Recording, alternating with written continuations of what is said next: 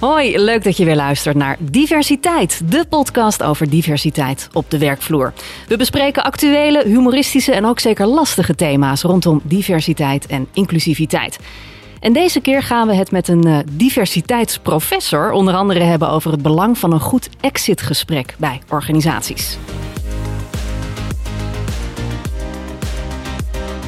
Mijn naam is Hannelore Zwitserloot en bij mij aan tafel zit de Okko-leiding, managing director van Harvey Nash Nederland. En ook Renzo Deurlo, oprichter van Green Fox Social Return.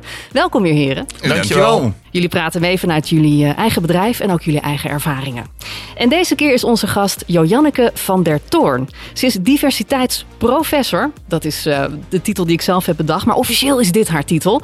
Bijzonder hoogleraar inclusie van lesbische, homoseksuele, biseksuele en transgender werknemers op het werk aan de Universiteit Leiden. En daarnaast is ze ook universitair hoofddocent sociale en organisatiepsychologie aan de Universiteit Utrecht. En ik ben er nog niet. Vanuit haar leerstoel slaat ze een brug tussen wetenschap en de praktijk met als doel bij te dragen aan effectief evidence-based diversiteitsbeleid. En ze is ook nog een van de experts achter de Nederlandse inclusiviteitsmonitor. Janneke, welkom bij onze podcast.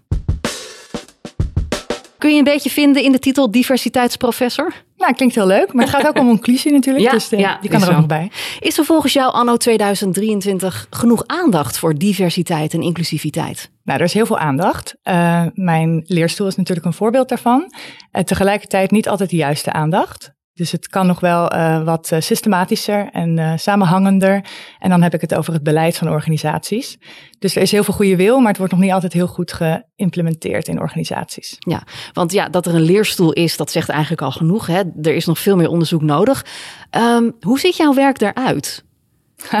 Want wat doe je zoal? Ja, hele goede vraag. Ik zit eigenlijk heel erg veel achter de laptop. uh, want wij doen veel van ons onderzoek kwantitatief en dat betekent via vragenlijsten. Uh, maar ik sta ook heel vaak bij organisaties om lezingen te geven of uh, gesprekken te, te voeren.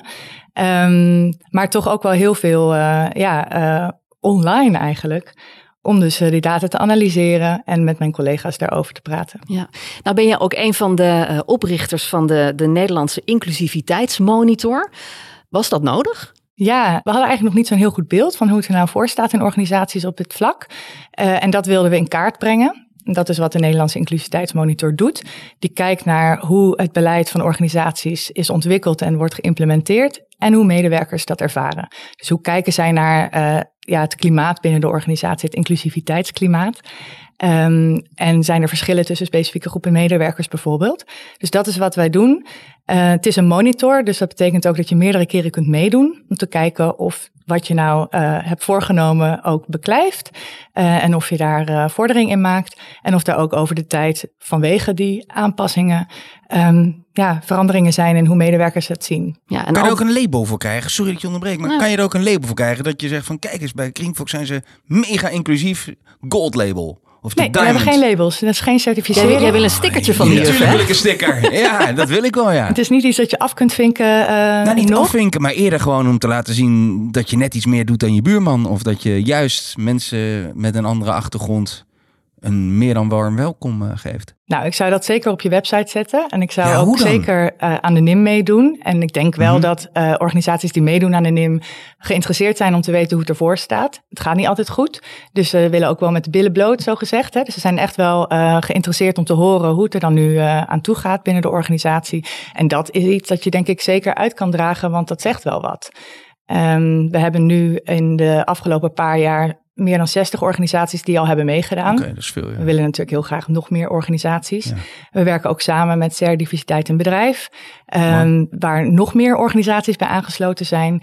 En op die manier wisselen we dus ook veel kennis uit en uh, ontwikkelen we kennis samen. Dus zo komt ook onze kant, Je hè, komt de ook wetenschap. echt in een netwerk terecht met ja. allemaal. Uh, ja, ook samen partijen. met Inclusie NL. Dat is de stichting die achter de Nederlandse inclusiviteitsmonitor zit. En zo werken we samen uh, in het project Het Moet Wel Werken, is dat. Waar ik straks nog wel wat meer, denk ik, over zal vertellen. Uh, gefinancierd door de Goldschmeding Foundation. Waar we dus echt die praktijk en die wetenschap samen kunnen brengen om samen verder te komen. Mooi. Die inclusiviteitsmonitor, dus dat is een enorme berg aan, aan data, kan ik me zo voorstellen. Hè? De bedrijven die leren wat over zichzelf, maar ondertussen weet jij dus alles van al die bedrijven wat hun beleid betreft. Zijn er nog verrassende inzichten? Ja, misschien dat je um, het niet heel verrassend vindt, maar um, het gaat nog niet altijd helemaal goed. Uh, en dat zien wij ook. Dus daar ja, zien we eigenlijk wat er ook elders al wel wordt gezien. Wat mij wel heeft verbaasd is hoe weinig er eigenlijk gemeten wordt of uh, diversiteitsbeleid effectief is. Inmiddels zien we dat meerdere jaren achter elkaar steeds weer terugkomen. Dus is het niet meer zo'n verrassing. Maar dat was wel wat me in eerste instantie verraste. Uh, misschien ook wel mijn eigen uh, ja, het belang dat ik als wetenschapper aan meten hecht. Hè? Dus dat is natuurlijk ook mijn perspectief. Maar dat viel me op en dat uitstromen we heel weinig aandacht nog krijgt als het om diversiteit en inclusie gaat. Dus wat we eigenlijk zien is dat um, de uh, meeste HR-afdelingen toch echt aan het begin van die employee journey de focus leggen. Dus dat is de, de instroom uh, en de inclusie. Daar gaat beleid heel vaak al over. En dat is hartstikke goed. Uh, maar doorstroombeleid en ook het uitstroombeleid, dat is echt nog ondergeschoven kindje. En daar mag dus nog veel meer aandacht voor zijn. En um, ja, exitgesprekken is zo'n voorbeeld hè, van hoe je dat uitstroombeleid dan concreet kan maken. Ja, want ik las dat maar 55% van de bedrijven die exitgesprekken echt goed op orde heeft. Ja, dus 55% van de bedrijven in onze steekproef van de Nederlandse Inclusiviteitsmonitor, die voert exitgesprekken. Nou, dat vond ik eigenlijk nog best veel, omdat ik dacht, ja er is niet heel veel aandacht voor uitstroombeleid. En dit zit er dan ja, bij goed, 55 procent Ik denk meteen 45 procent zegt ja. gewoon oké, okay, bedankt, doei. Ja, dat is ja. de andere kant inderdaad. Uh, of ze dat zo zeggen, weet ik natuurlijk niet. maar er is in elk geval geen systematische aanpak voor.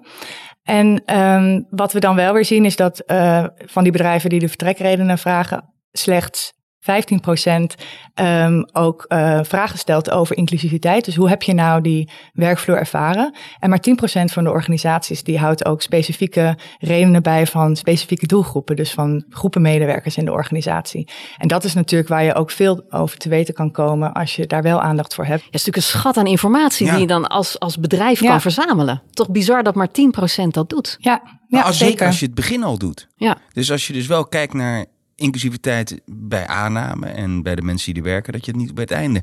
Nou, hoe, ook hoe daar is daar nog te weinig aandacht voor hoor. Dus er wordt wel heel veel aandacht aan de, de instroom, en dus het werving- en selectiebeleid bijvoorbeeld. Uh, mm.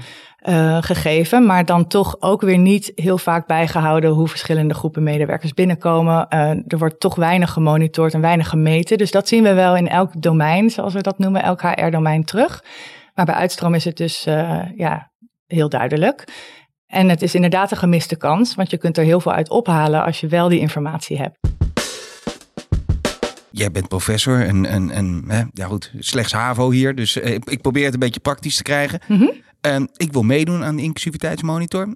Hoe beginnen we? We beginnen met een A4'tje en tel je dan af hoeveel blanke witte mannetjes en hoe gaat dat uh, verder? Ja, nou het is de inclusiviteitsmonitor, oh, dus het gaat vooral over inclusiviteit. Um, en we vragen ook wel van, goh, hou je diversiteit bij en wat mm -hmm. weet je dan over het diverse personeelsbestand? Uh, vaak wordt op uh, binair gender, dus man en vrouwen, dat wordt wel bijgehouden in organisaties, maar heel veel andere dingen niet. Nee. Is ook een grotere kluif. Hè? Er zit natuurlijk ook de AVG ja. begrijpelijk tussen. dus dat moet je heel goed vormgeven en dat zien we nog niet heel vaak zo gedaan worden. Um, maar er is zeker wel aandacht voor. Uh, organisaties worstelen daar ook wel mee. Van ja, wat zijn dan de ja. uh, percentages? Hè? Wat zijn de KPI's? Of wat willen we dan? Uh, wat zijn de doelstellingen die we op diversiteit hebben? En op inclusiviteit wordt er soms in een MTO over gevraagd. hoe ervaar je de werkomgeving? Voel je dat je erbij hoort? Kun je jezelf zijn op het werk? Dat ja. is heel goed. Dat is hoe je dat meet. heb je het gevoel dat anderen ook zichzelf weer kunnen zijn? Dus hoe ervaar je het klimaat? Um, en dat doen we in de Nederlandse inclusiviteitsmonitor ook.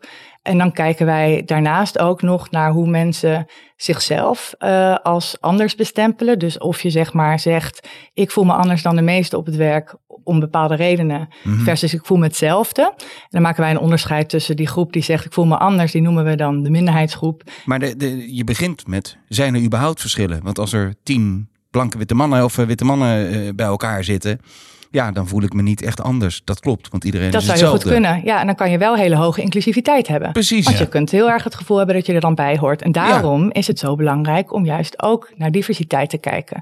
Dus daar is inderdaad heel veel nog te winnen.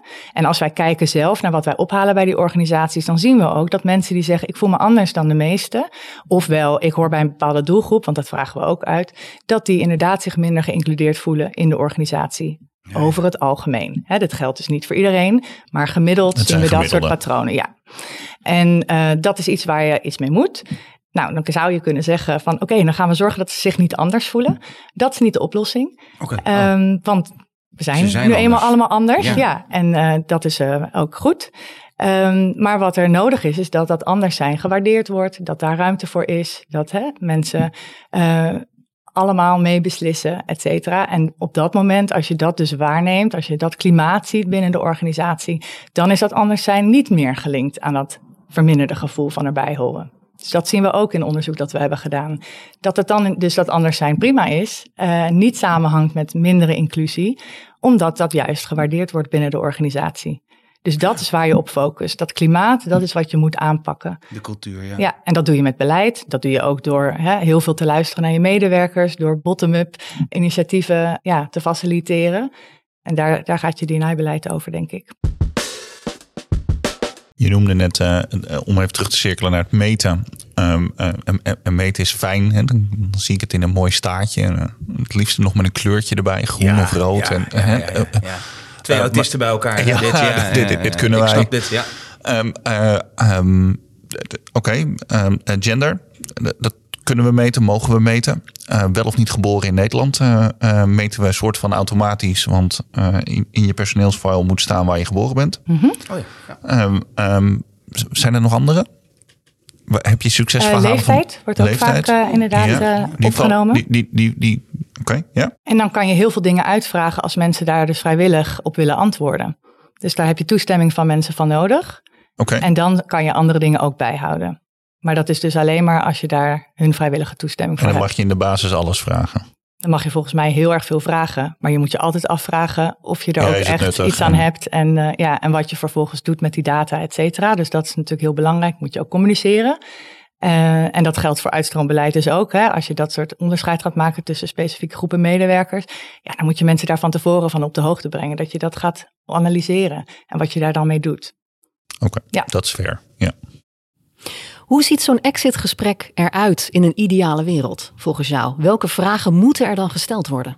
Ja, ik zou zeker vragen hoe heb je de werkvloer ervaren? Dus als mensen weggaan, Ehm, had je het gevoel dat je erbij hoorde? Kon je jezelf zijn? Heb je het gevoel gehad dat anderen dat ook konden? Ehm, heb je de kansen gekregen die je had willen hebben?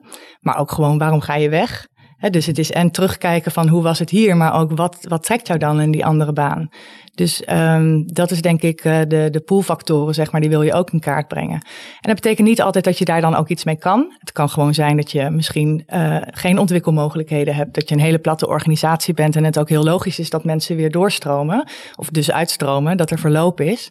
Eh, maar het is wel goed om te weten dat dat dan een reden is dat mensen weggaan. Ja, want mensen die ontevreden eh, zijn, die gaan natuurlijk relatief vaker weg dan mensen die zich helemaal een fijn onderdeel van het team voelen. Ja, dat denk ik wel. Ehm, en dat is dus heel goed om dat wel eh, te weten. Je kunt die vragen ook stellen aan mensen die in de organisatie zitten. Dus je kunt heel goed ook zittende medewerkers bevragen van... goh, wa- wat zouden nou redenen kunnen zijn dat jij hier op een gegeven moment weg zou gaan? Dat vind ik zelf ook wel een leuk inzicht van Durven onderzoek. mensen dat wel te zeggen? Ehm, Niet denk ik als de reden dat ze weg zouden gaan degene is die het vraagt. Dat, eh, dat denk ik niet. Nee, dat snap ik. Nee, maar als je bijvoorbeeld zegt Ik van... vond jou goh, heel eh, eng. Ik vond je echt heel eng. Zeg Ja, maar in, een kan niet, nee. organisatie dat je, stel, hè, ik, ik ben eh, homoseksueel, ik, ik ben lesbisch en daardoor voel ik me geen onderdeel van het team. Maar ik weet niet of ik dat dan zou durven zeggen als eh, een leidinggevende dat aan mij vraagt. Ja, nou dat zou heel goed kunnen dat mensen bepaalde dingen niet delen. Kijk, bij een exitgesprek ben ik vervolgens bloedeerlijk. Ja, maar ook niet iedereen. als je er nog zit, En ja. ik neem de muismat ook mee. Doei doei. Ja, groot gelijk. En de post-its. Ja. Maar durven mensen dat wel te zeggen, denk jij, halverwege? Nou, ik denk dat mensen niet alles durven te zeggen. En dat dus één gesprek ook zeker niet de oplossing is. En het ook eraf van afhangt, ja, wie heeft dat gesprek met jou? En je wil natuurlijk dat je leidinggevende dit soort gesprekken doorgaans heeft. Eh, in elk geval minimaal bij het eh, BNO-gesprek, het jaarlijkse beoordelings- en evaluatiegesprek. Maar ook, denk ik, ehm, bij de koffietafel of als je gewoon weet wat er speelt bij je medewerkers, dan kan je natuurlijk hier ook al heel veel inzicht over krijgen. Op het MTO zou je dit soort dingen, in het MTO, sorry, zou je dit soort dingen ook kunnen vragen. Ehm, en ik denk dat als dat dus onderdeel wordt van het gesprek, dan vinden mensen het ook niet meer zo spannend. Ik denk dat zelfs misschien de vragensteller het soms spannender vindt wat het antwoord zou zijn dan degene die uh, gevraagd wordt. Ja. Uh, maar het zal heel erg verschillen per organisatie en per persoon natuurlijk. Tuurlijk, ja. En ook hoe groot je organisatie is. Ja, en voor het goede exitgesprek denk je daar dus ook over na. Hè? Van uh, hoeveel verloop hebben we? Kunnen we het in een survey uitvragen? Wat zijn daar de nadelen van? Ik kan me voorstellen dat je dat doet als je heel veel verloop hebt. Maar tegelijkertijd kan je dan ook niet doorvragen. Dus krijg je toch ook weer wat meer oppervlakkige vragen. Ja, of, of als je het anoniem doet. Misschien kan je dan wel weer de diepte in. Nou ja, dan, dan zou moeten je... er heel veel tegelijkertijd weggaan natuurlijk. Anders is het niet zo anoniem meer. Nee, precies. Dus dat is wel dan... Dat en kan hoe zou je het kunnen doen bij de sollicitatie? Kijk, daar begint het eigenlijk. Hoe zou je nou een, een, een heel praktisch advies kunnen geven? Je wil veel diverser. Je bent al inclusief, als dat zo is. Hè? Maar je wil nog diverser. Mhm. Hoe kan je nou naar buiten toe uitdragen? Wij staan juist open. We hebben de voorkeur voor iemand die een minderheidsgroep behoort. Nou, je kunt dat doen in je vacatureteksten. Uh, maar je kunt ook in je aanpak iets doen. Hè, om Maar juist... hoe stel je dat voor in de vacaturetekst? Gezocht. Nee, je ziet nu heel de, vaak de voorkeur staan, gaat wij uit naar iemand uh, homoseksueel is? Of... Nee, dat uh, zien Nee, we nog nee niet. dat, dat, dat lijkt mij ook uh, woke technisch niet verantwoord. Maar Ik denk ook niet dat het mag trouwens. Nee. Eh, want daar Nee, is geen eh, wettelijke grond voor. Ehm, sowieso, hè, voor dat soort voorkeursbeleid moet altijd eerst heel veel worden aangetoond. Dat in jouw bedrijf er ook achterstelling is van bepaalde groepen en gedocumenteerd enzovoort. Ehm, dus die ruimte is er denk ik nu ook niet. Ik denk ook niet dat dat nu nodig is. Ik denk dat eh, je wel meer mensen uit verschillende groepen wil aannemen. Maar dat dat ook kan door dus na te denken over waar eh, zet je je vacatures uit. Ja. Hoe zorg je dat de mensen die je graag wil bereiken ook weten dat het in jouw organisatie inclusief is? Dus hoe zet je ook de mensen in je organisatie in om dat te doen? Wat communiceer je? Hè, dus daar zit natuurlijk ook heel veel ruimte. Je wil eigenlijk de hindernissen wegnemen die mensen zouden ervaren om bij jou te solliciteren.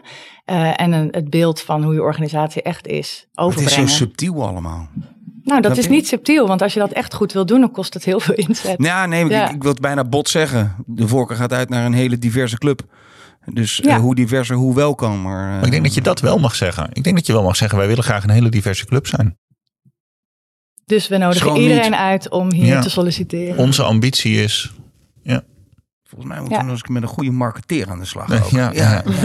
Nou, hier is wel echt heel veel over bekend hoor, hoe je dat goed kan doen. Er zijn ook allerlei eh, bedrijven die hierbij bij kunnen assisteren. Dus dat is zeker in het werving- en selectiestuk. daar is denk ik veel te winnen. En daar is ook al heel veel En kennis over. de monitor natuurlijk. Uiteraard. Juist. Ja. En dat is dan om te kijken van hoe staan we er nu voor. En Ja. maar daar zitten ook inderdaad dat soort vragen in. Van, goh, denk je in je opstellen van je vacatureteksten na over ehm, dat het eh, inclusief taalgebruik is bijvoorbeeld? Of eh, hou je bij wie er binnenkomt in de organisatie? Hoe is je onboarding eh, programma ingericht? Hou je daar ook rekening met diversiteit en inclusie? Dus dat zijn allemaal van die dingen eh, die je kunt doen. Maar om dat echt goed te doen, moet je het dus heel systematisch aanpakken. En dat kost wel heel veel tijd. Mhm. Hè? En ehm, ik denk bijvoorbeeld aan als je een nieuwe training wil introduceren binnen de organisatie. Ja, dan zie je toch heel vaak dat er gewoon iets wordt ingekocht. En niet wordt nagedacht over, nou, wat wordt hier nou echt aangeleerd? Past dat bij onze visie? Past dat bij het doel dat we hebben met ons beleid? En hoe gaan we vervolgens na of het ook echt gelukt is? Hè, vragen we dat aan degene die meedeed aan de training? Eh, goh, ben je inclusiever geworden? Of stellen we die vraag aan het team van diegene die die training heeft gevolgd? Sorry. ja, mooi. Ja, Ik snap dat. dus daar, en daar moet je dus echt beleid op voeren om dat goed eh, in te kaderen en eh, uit te voeren. En hetzelfde geldt dus voor exitgesprekken. Ja, je gaat dat niet alleen maar doen. Het is fijn voor mensen, denk ik, om eh, soms hè, om nog een gesprek te hebben en nog eens te kunnen vertellen hoe ze het hebben ervaren. Zeker als het niet heel negatief is geweest. Dan wordt er nog naar je geluisterd. Je neemt dat mee als visitekaartje naar andere organisaties misschien. Wellicht denk je ook nog iets meer. hey, ja, ik wil toch misschien nog wel eens een keer terug als ik dan ergens anders weer ervaring op heb gedaan. Maar tegelijkertijd, ehm, ja, zal je de informatie die je ophaalt, daar zal je ook iets mee moeten doen. En wat kunnen wij leren van al deze... Ik Ja. neem dat daar ook heel veel data weer van is. eh, van die exit gesprekken. Wat waren nou de, de, de, de meest schokkende nieuwsfeiten die jij daar naar boven haalde? Nou, we hebben dus geen exit-gesprek onderzoek gedaan. We hebben gekeken naar wat organisaties doen om dat vorm te geven. Mhm. Uh, en wat we daar eigenlijk zien is dat als ze ge gevoerd worden, dan wordt het niet echt teruggekoppeld naar andere domeinen binnen het beleid. Terwijl je juist heel veel kunt ophalen daar. Hè? Dus als je bijvoorbeeld ja. hoort van nou, toch wel heel veel mensen die eigenlijk zeggen van uh, mijn beeld van deze organisatie van tevoren was heel anders dan wat ik nu tegenkwam in de organisatie. Ja, ja dan ga je dat terugkoppelen naar je instroombeleid. Want dan gaat er iets mis in de beeldvorming die uh, daar wordt uh, geschept.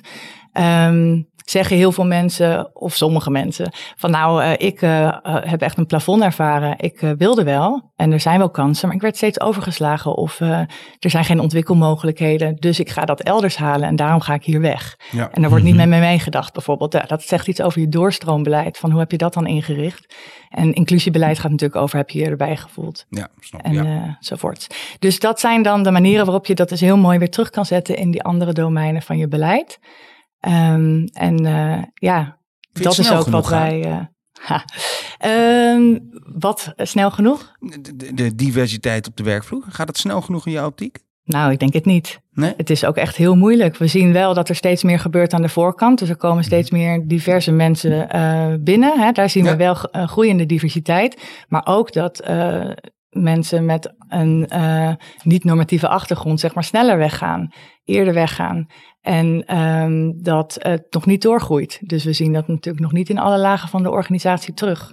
En inclusie is denk ik ook zoiets. Hè? Daar zien we toch ook wel dat er nog heel veel te winnen is. Als we kijken naar de NIM bijvoorbeeld, de Nederlandse Inclusiviteitsmonitor, zien we ook dat um, het niet heel slecht gaat. We hebben een soort afkappunt waarvan we zeggen, nou, als een organisatie daaronder scoort gemiddeld, dan is het wel echt slecht. Moet je echt meer onderzoek gaan doen wat hier nou aan de hand is. Mm-hmm. Uh, geen organisatie die scoort daaronder gemiddeld. Betekent niet dat er geen individuen zijn binnen de organisatie die het heel slecht ervaren. Maar dat zien we gemiddeld niet terug. Ook niet als we alleen naar de mensen kijken die zeggen dat ze zich anders voelen dan de meerderheid. Of als we naar specifieke doelgroepen kijken. Nee.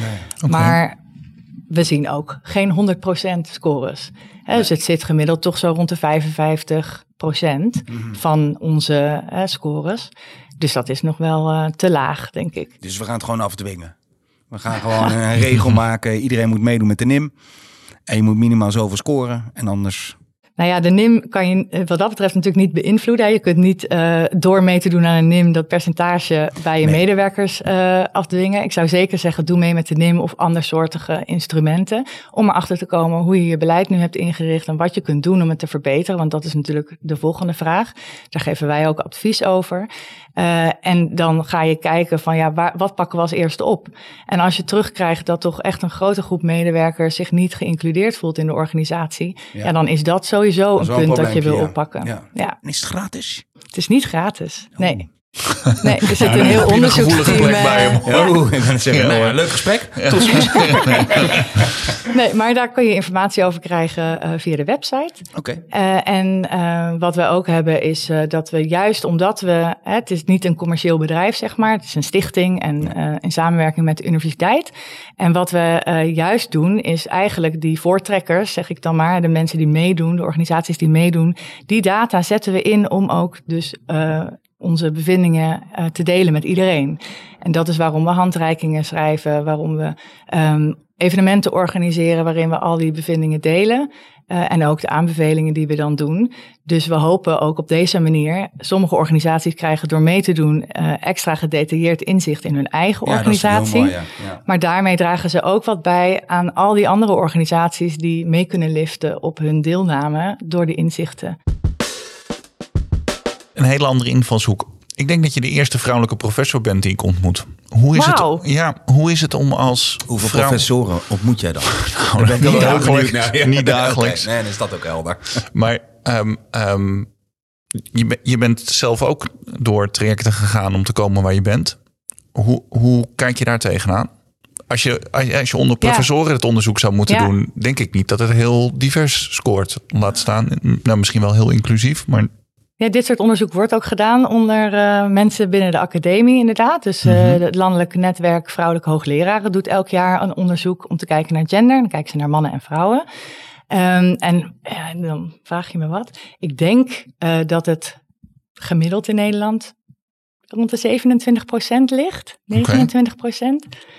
Durf het eigenlijk niet uh, dat zekerheid groeit. te stellen. Heb je het dan over het aandeel vrouwen? Ja, sorry, ik heb Ja. het over het aandeel vrouwen, inderdaad. Ehm, en, eh, maar het is in elk geval eh, niet heel hoog. Hè? Veel hoger dan je misschien eh, zou denken. In elk geval hoger dan je zou willen. Ja. Ehm, en het groeit wel, maar het groeit niet hard genoeg. Oh, want we hadden hier een, een onderzoek Geert-Jan Geert-Jan Waasdorp. En die had toch enorme cijfers van het aantal vrouwelijke studenten ten opzichte van mannelijke studenten. En Ja. met name weer drop-outs zoals wij Ja. twee. Ja, nou dat klopt. Dus als we kijken naar studenten, dan zien we een heel ander beeld. En dat Ja. is ook waar je tegen afzet. Als je kijkt in die monitor van de LNVH, kijken ze dan wat is eigenlijk de, de pool? Dus hoe zit de studentenpopulatie in elkaar? Wat zien we dan bij eh, de promovendi, de universitair docenten, de universitair hoofddocenten en eh, de hoogleraren? En dan zie je dus dat het steeds afneemt, dat percentage vrouwen. Het lijkt het bedrijfsleven wel. Ja. Ja, en als je zou kijken naar mensen met een biculturele achtergrond bijvoorbeeld, dan is dat nog schrijnender. Dat is nog een veel kleiner percentage. En Jo. ook daar zie je dat het afneemt. Dus dat zegt wel iets. Hè? Er is eigenlijk een, wel een kweekvijver, maar het stroomt nog niet genoeg door. Maar hoe komt dat? Door, eh, ja, dat noemen ze dan de leaky pipeline. Dus mensen Dat dacht die, ik al. Ja, dat Ja. dacht ik al. Nee, ik, Had je al ik verwacht. weet genoeg. Nee, Ja. ze hoef je niet uit te Maar leggen leg het even Nee. voorkomen. Misschien Is, die, eh, is die is, die is snel. eigen, is dat jullie eigen glazen plafonnetje? Jazeker, wij hebben eh, absoluut een plafond binnen de academie. Hm. En het is ook een masculine context. Hè? Ook al zijn er dus zoveel vrouwelijke studenten. Het is ook een eh, organisatie zeg maar, waar eh, toch veel competitie is, waar eh, excellentie wordt gewaardeerd. Het is ook een term die vaak met mannen wordt geassocieerd. Dus er is wat eh, we wel noemen, in, ja, het is allemaal in het Engels natuurlijk, maar de masculine default. Een soort ehm, de norm van wie is een goede onderzoeker. En dan denken we toch sneller aan een man dan aan een vrouw. Eh, en dat wordt op allerlei manieren steeds weer bevestigd. Eh, terwijl als je kijkt naar het onderzoek, ja, de kwaliteit niet verschilt. Nee. Dus het blijft eh, echt iets waar aandacht voor nodig is. En eh, je kunt niet gaan zitten wachten tot het vanzelf gebeurt. Daar moeten we dus steeds echt aan blijven werken. En het heeft een voordeel voor mij om dus in een organisatie te werken waar het ook niet allemaal goed gaat. Dat ik dan wel heel goed snap hoe het eh, in elkaar zit. Maar het, ehm, ja, het is nog niet zo makkelijk om het aan te pakken. Dat is ook een voordeel, dat ik dat ook wel zie. Als ik in mijn eigen organisatie dingen probeer, ja, dan denk ik ook wel soms van, oh, hoe moet ik dat nou doen? Ja, Wat ik was heb voor jou ehm, persoonlijk het verhaal ehm, eigenlijk is het verhaal dat iemand mij heeft aangeraden te solliciteren. En het was eh, de toenmalige decaan. Die zei, is het niet iets voor jou? En misschien heeft ze dat tegen andere mensen ook Ze. gezegd. Ja, Zo. Ja. ja. Eh, dus dat is toch wel ehm, belangrijk geweest. Want ik had zelf denk ik anders niet gedacht dat ik daarvoor in aanmerking zou komen. Hoe komt dat toch? Ja. Ja, toch ja, Dat vrouwen denken bij een positie van... oh, ik voldoe niet voor 100%, dus dan kan ik het niet doen. Terwijl een man denkt, oh, ik voldoe voor 50%. Ja, nou dat gaan ervoor. uit onderzoek. Nou, Ja. bij Nee, 30 maar- groepen wel, we gaan we. erbij. Dat is Ja. toch eigenlijk heel raar dat dat zo werkt. Ja, nee, dat weten we ook uit onderzoek, hè, wat je net Ja. eh, zegt dat dat eh, gebeurt. Ehm, ja, en ik was ook nog wel jong, dus eh, ik dacht ook, oh, dat komt misschien nog wel een keer. Maar het was wel een hele mooie leerstoel en uiteindelijk is het heel goed uitgepakt en daar was ik wel heel blij mee. Ja. Dus het heeft me ook echt wel verder geholpen. Mooi. Zou dat dan toch genetisch zijn? Dat wij als eh, jongetjes eerder roepen, yo, die is voor mij? Ja, ik, ik heb geen idee, maar Ik ik, snap ken het wel. Ik, eh, iemand vroeg mij laatst, ehm, zijn de, eh, als je salarisgesprekken hebt, wie vraagt er om meer geld? Ja. En als ik heel eerlijk ben, zijn dat altijd de mannen die om meer geld vragen. Dat is Ja, waar. maar we weten ook uit onderzoek dat ook als vrouwen er naar vragen, ze het vaker niet krijgen. Dus zelfs zeg maar als je tegen vrouwen zegt van nou ga het nou wel eens even proberen, ga nou Ja. onderhandelen, dan krijgen ze vaker nul op het request. En is dat omdat ze slechte onderhandelaars zijn? Of gewoon... Nee, dus dat, is dat echt- is dan constant gehouden, Ja. zeg maar. Nee, dus dat ligt dan ook aan dat mensen het eigenlijk ja, dan toch niet waarderen als een vrouw om meer vraagt. Of denken je verdient het niet. Mhm. Of denken van, huh, wat zit je nou te doen? Ja, dus daar spelen allerlei verschillende. hè. Je hebt steeds die, die twee kanten. eh, Wat jij net ook al zei, van denk je dan dat je niet in aanmerking komt? Of nou ja, hè? Mhm. Dus het zit, eh, dat is ook natuurlijk het lastige van het hele verhaal. Dat onze cultuur ook weer doorspeelt in de motivaties van mensen. Want als je de hele tijd ziet van, oh, daar zit iemand, nou, daar herken ik mezelf niet in. Of, eh, goh, ik Mhm. denk dat ik dat dus niet kan. Dan ga je ook minder snel iets proberen. Misschien zien jullie het ook bij de podcast. Ik weet niet hoe de eh, verdeling is. Zeggen vrouwen vaker Ja, eh, nee? Ja, de, eh, de- de- bij mij de enige die ik gevraagd heb en die nee hebben gezegd zijn allemaal vrouwen. Ja. Alle mannen zeggen ja, alle, nee, niet alle vrouwen, maar degene die eh, nee hebben gezegd. Ehm, eh, soms ook met twijfel of... Maar hoe komt het dan? Hebben ze dan het gevoel dat ze geen, eh, niet genoeg expertise hebben om daarover mee te praten? Ja, Ja? Heb je daar nog exit-gesprekken over? ja. Nou ja, ik heb er wel over nagedacht. Van hoe kunnen we dat nou, eh, als er nou ergens een podcast is of een plek is waar we. eh, Twee eh, MAVO-klantjes, die, kom op, iedereen is, weet toch meer dan ik- wij. Ja, ik, dat zou ik ook zeggen. Ja. Maar eh, ja, zo, zo zijn we deze podcast ook begonnen. Kom het ons vooral uitleggen. Ja. Want we weten het niet. Nee, we hebben zoals Hannelore gewoon om überhaupt dit eh, in goede banen te leiden. Dus het mag toch duidelijk zijn dat wij niet zoveel kunnen. Nee. Ja, nou, er zijn heel veel factoren die daar dus een rol in spelen. Eh, en mensen worden ook snel overvraagd. Hè? Dus dat is ook, als je, zeker als je uit een minderheidsgroep eh, meer zichtbaar wordt, dat dan mensen denken, oh, die kan dat ook en die kan dat ook en die kan dat ook. En dan word je voor alles gevraagd en dan eh, is het ook natuurlijk weer eh, te veel. Ja. Dus daar zit ook een balans in en dat is op de werkvloer ook. Eh, heel veel diversiteit en inclusiewerk wordt gedaan door vrijwilligers. En dan zijn toch snel degenen die uit de minderheidsgroepen komen, dat er dan naar hen gekeken wordt van, ja, jullie willen dat natuurlijk wel, toch? Want het gaat over jullie, terwijl dat natuurlijk niet waar is. Het beleid gaat over iedereen. Ja. En, Ja, dan word je toch weer afgezonderd, terwijl je juist zo graag onderdeel wil zijn van het team. Ja, dus dat, ik denk dat dat ook eh, echt van die dingen zijn die je heel goed als organisatie kunt doen. Hè? Het Niet vrijwillig maken, daar echt mensen op zetten, meerdere mensen. Nou, Bushra zei het ook al in jullie po- podcast, niet alleen maar HR, maar eh, ja, op alle eh, vlakken in de organisatie, in verschillende lagen. Eh, ook zeker HR, daar moeten ook echt experts zitten op diversiteit en inclusie.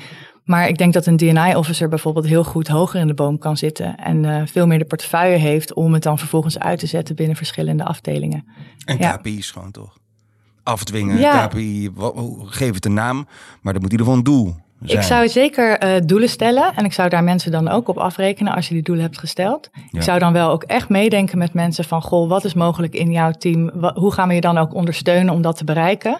Ja. Hè, dus niet alleen maar een KPI stellen van, nou, kijk maar hoe je er komt. Dat gaat niet werken. Ook daar weer heel doordacht hè, meedenken, zorgen dat het ook mogelijk is dat je eh, daarmee dus ook draagvlak onder leidinggevende bijvoorbeeld creëert. En eh, mensen daar deelgenoot van maken, dat je dat dan als team ook doet, dat het niet aan één persoon ligt. Dus ook daar denk ik dat het weer veel ja, beter ingericht kan worden dan dat het nu vaak gebeurt. Eigenlijk zou je de inclusiviteitsmonitor verplicht moeten maken. Ja, vind ik een goed idee. Ehm, ja. Nou, het is wel interessant dat je het zegt, want eh, uit onderzoek weten we dat bijvoorbeeld het verplichten van trainingen vaak weer niet goed werkt. En dat is een van die paradoxen, dat je aan de ene kant wil je dat mensen uit vrije wil hier aan meedoen, maar de mensen die uit vrije wil meedoen aan dit soort dingen zijn Ja. degenen die het al belangrijk vinden. Precies. Dus je krijgt Ja. altijd een vertekend beeld. Maar het heeft toch echt wel negatieve gevolgen als je dingen verplicht. Dus ik denk wel, ik, ik denk zelf over de NIM bijvoorbeeld. Het is echt een tool die je kan inzetten als je meer wil weten. Zo zijn er natuurlijk ook meerdere dingen die je kunt doen. Ehm, je moet dat echt zelf willen. En anders dan, eh, ja, dan ga je ook met de gegevens die daar weer uitkomen, ga je niks doen. Dus je moet ook echt al van tevoren, voordat je meedoet, nadenken over wat doen we straks met de uitkomsten. En eh, hoeveel ehm, budget gaan we daar dan weer voor vrijmaken? Want dan heb je natuurlijk weer extra capaciteit voor nodig. Eh, dus dat, eh, ja, net zo goed als we het over het beleid binnen de organisatie hebben, zijn dit soort dingen ook weer systematisch moeten ze worden voorbereid. Dus zo zie ik dat wel. Ehm, en ik denk ook norm, normering is heel belangrijk. Hè? Dus als je bijvoorbeeld ook ziet dat organisaties eh, dingen implementeren en het gaat goed, dan zou je het altijd bij je eigen organisatie eerst moeten toetsen of het wel aansluit bij jouw doelen en of je dan ook, ehm, ja, of het bij jou ook werkt, zeg maar. Ehm, maar dat kan helpen om een soort ja, gevoel te creëren van, oh, we, we willen dit ook. We gaan voor diversiteit en inclusie. En dat denk ik dat dat ehm, het beste werkt. Dus als je een training gaat doen en je zegt tegen leidinggevenden, nou, zeg maar tegen iedereen in je team dat die mee moet doen. Dat is niet de manier, maar echt ze mee te nemen van, goh, wat zou die training nou voor jou opleveren? Als jouw mensen dat gingen doen, wat, wat haal jij daar denk je uit? En snap je waarom we dit doen en we willen je deelgenoot maken? Ja, dat is al een heel ander gesprek ja, dat je dan hebt. meer intrinsieke motivatie. Ga, Ja. jij, eh, ga je meedoen, Okko? Ja, ik, zat, ik hoorde je net de share zeggen. Daar zijn we toevallig gisteren eh, bij aangesloten als sponsor. Dus ik, Ah, eh, prachtig. eh, eh, ik, ik ga zo even googlen. ja, ik ook. Ja. Ja. Leuk. Heel praktisch ook. En Fijn, ook als ja. je niet meedoet, hè, onze handreikingen die staan op onze websites. Eh, de Goldsmithing Foundation hebben een pagina waar we alles samenbrengen. Kijk ook daar gerust naar wat we al eh, naar buiten brengen. Ik denk dat je, als je daar begint, ook al heel veel kunt doen. En zo'n zo'n handreiking die je dan dus krijgt als bedrijf is eigenlijk een soort handleiding van hoe je je rapportcijfer kan verbeteren. Ja, leuk gezegd. Ja, dat is wel eh, eh, hoe je het kan zien, denk ik. Er staan hele concrete tips in. Eh, dus eh, leg die zeker naast hoe je nu je beleid voert. Ik zou eerst ook kijken van wat doen we nu al en hoe kunnen we wat we doen beter maken, voordat je misschien hele nieuwe dingen gaat opzetten. Dat lijkt mij de, de makkelijkste manier om echt hiermee aan de slag te gaan. Voor mensen die nu luisteren, waar kan je online meer informatie vinden hierover? Nou, sowieso op de site van de Nederlandse Ehm, en die van CR Diversiteit en Bedrijf en de Goldsmithing Foundation en Inclusie.nl. Ehm, maar eh, ik kan hem ook naar jullie toesturen. Ja, natuurlijk. Hij staat op diversiteit met een lange ei.com. Hey, Wil jij een keer afsluiten, Renzo? Oeh, dat is veel te ingewikkeld. Ja? Dat gaat mij niet lukken. de tekst houden. Dan, dan blijft het niet, komen we niet verder dan doei waarschijnlijk. Janneke van der Toorn, bedankt voor dit gesprek. En ook al Renzo natuurlijk ook weer bedankt. En jij bedankt voor het luisteren. Volgende keer hebben we als gast Sharda Alibux, commercieel econoom met roots in Parimaribo. Volg onze podcast Diversiteit via de website, zodat je niks hoeft te missen. En die website is diversiteit. Kom. Zie je, je kan het wel. en volg Harvey yes. Nash en Green Fox via de socials.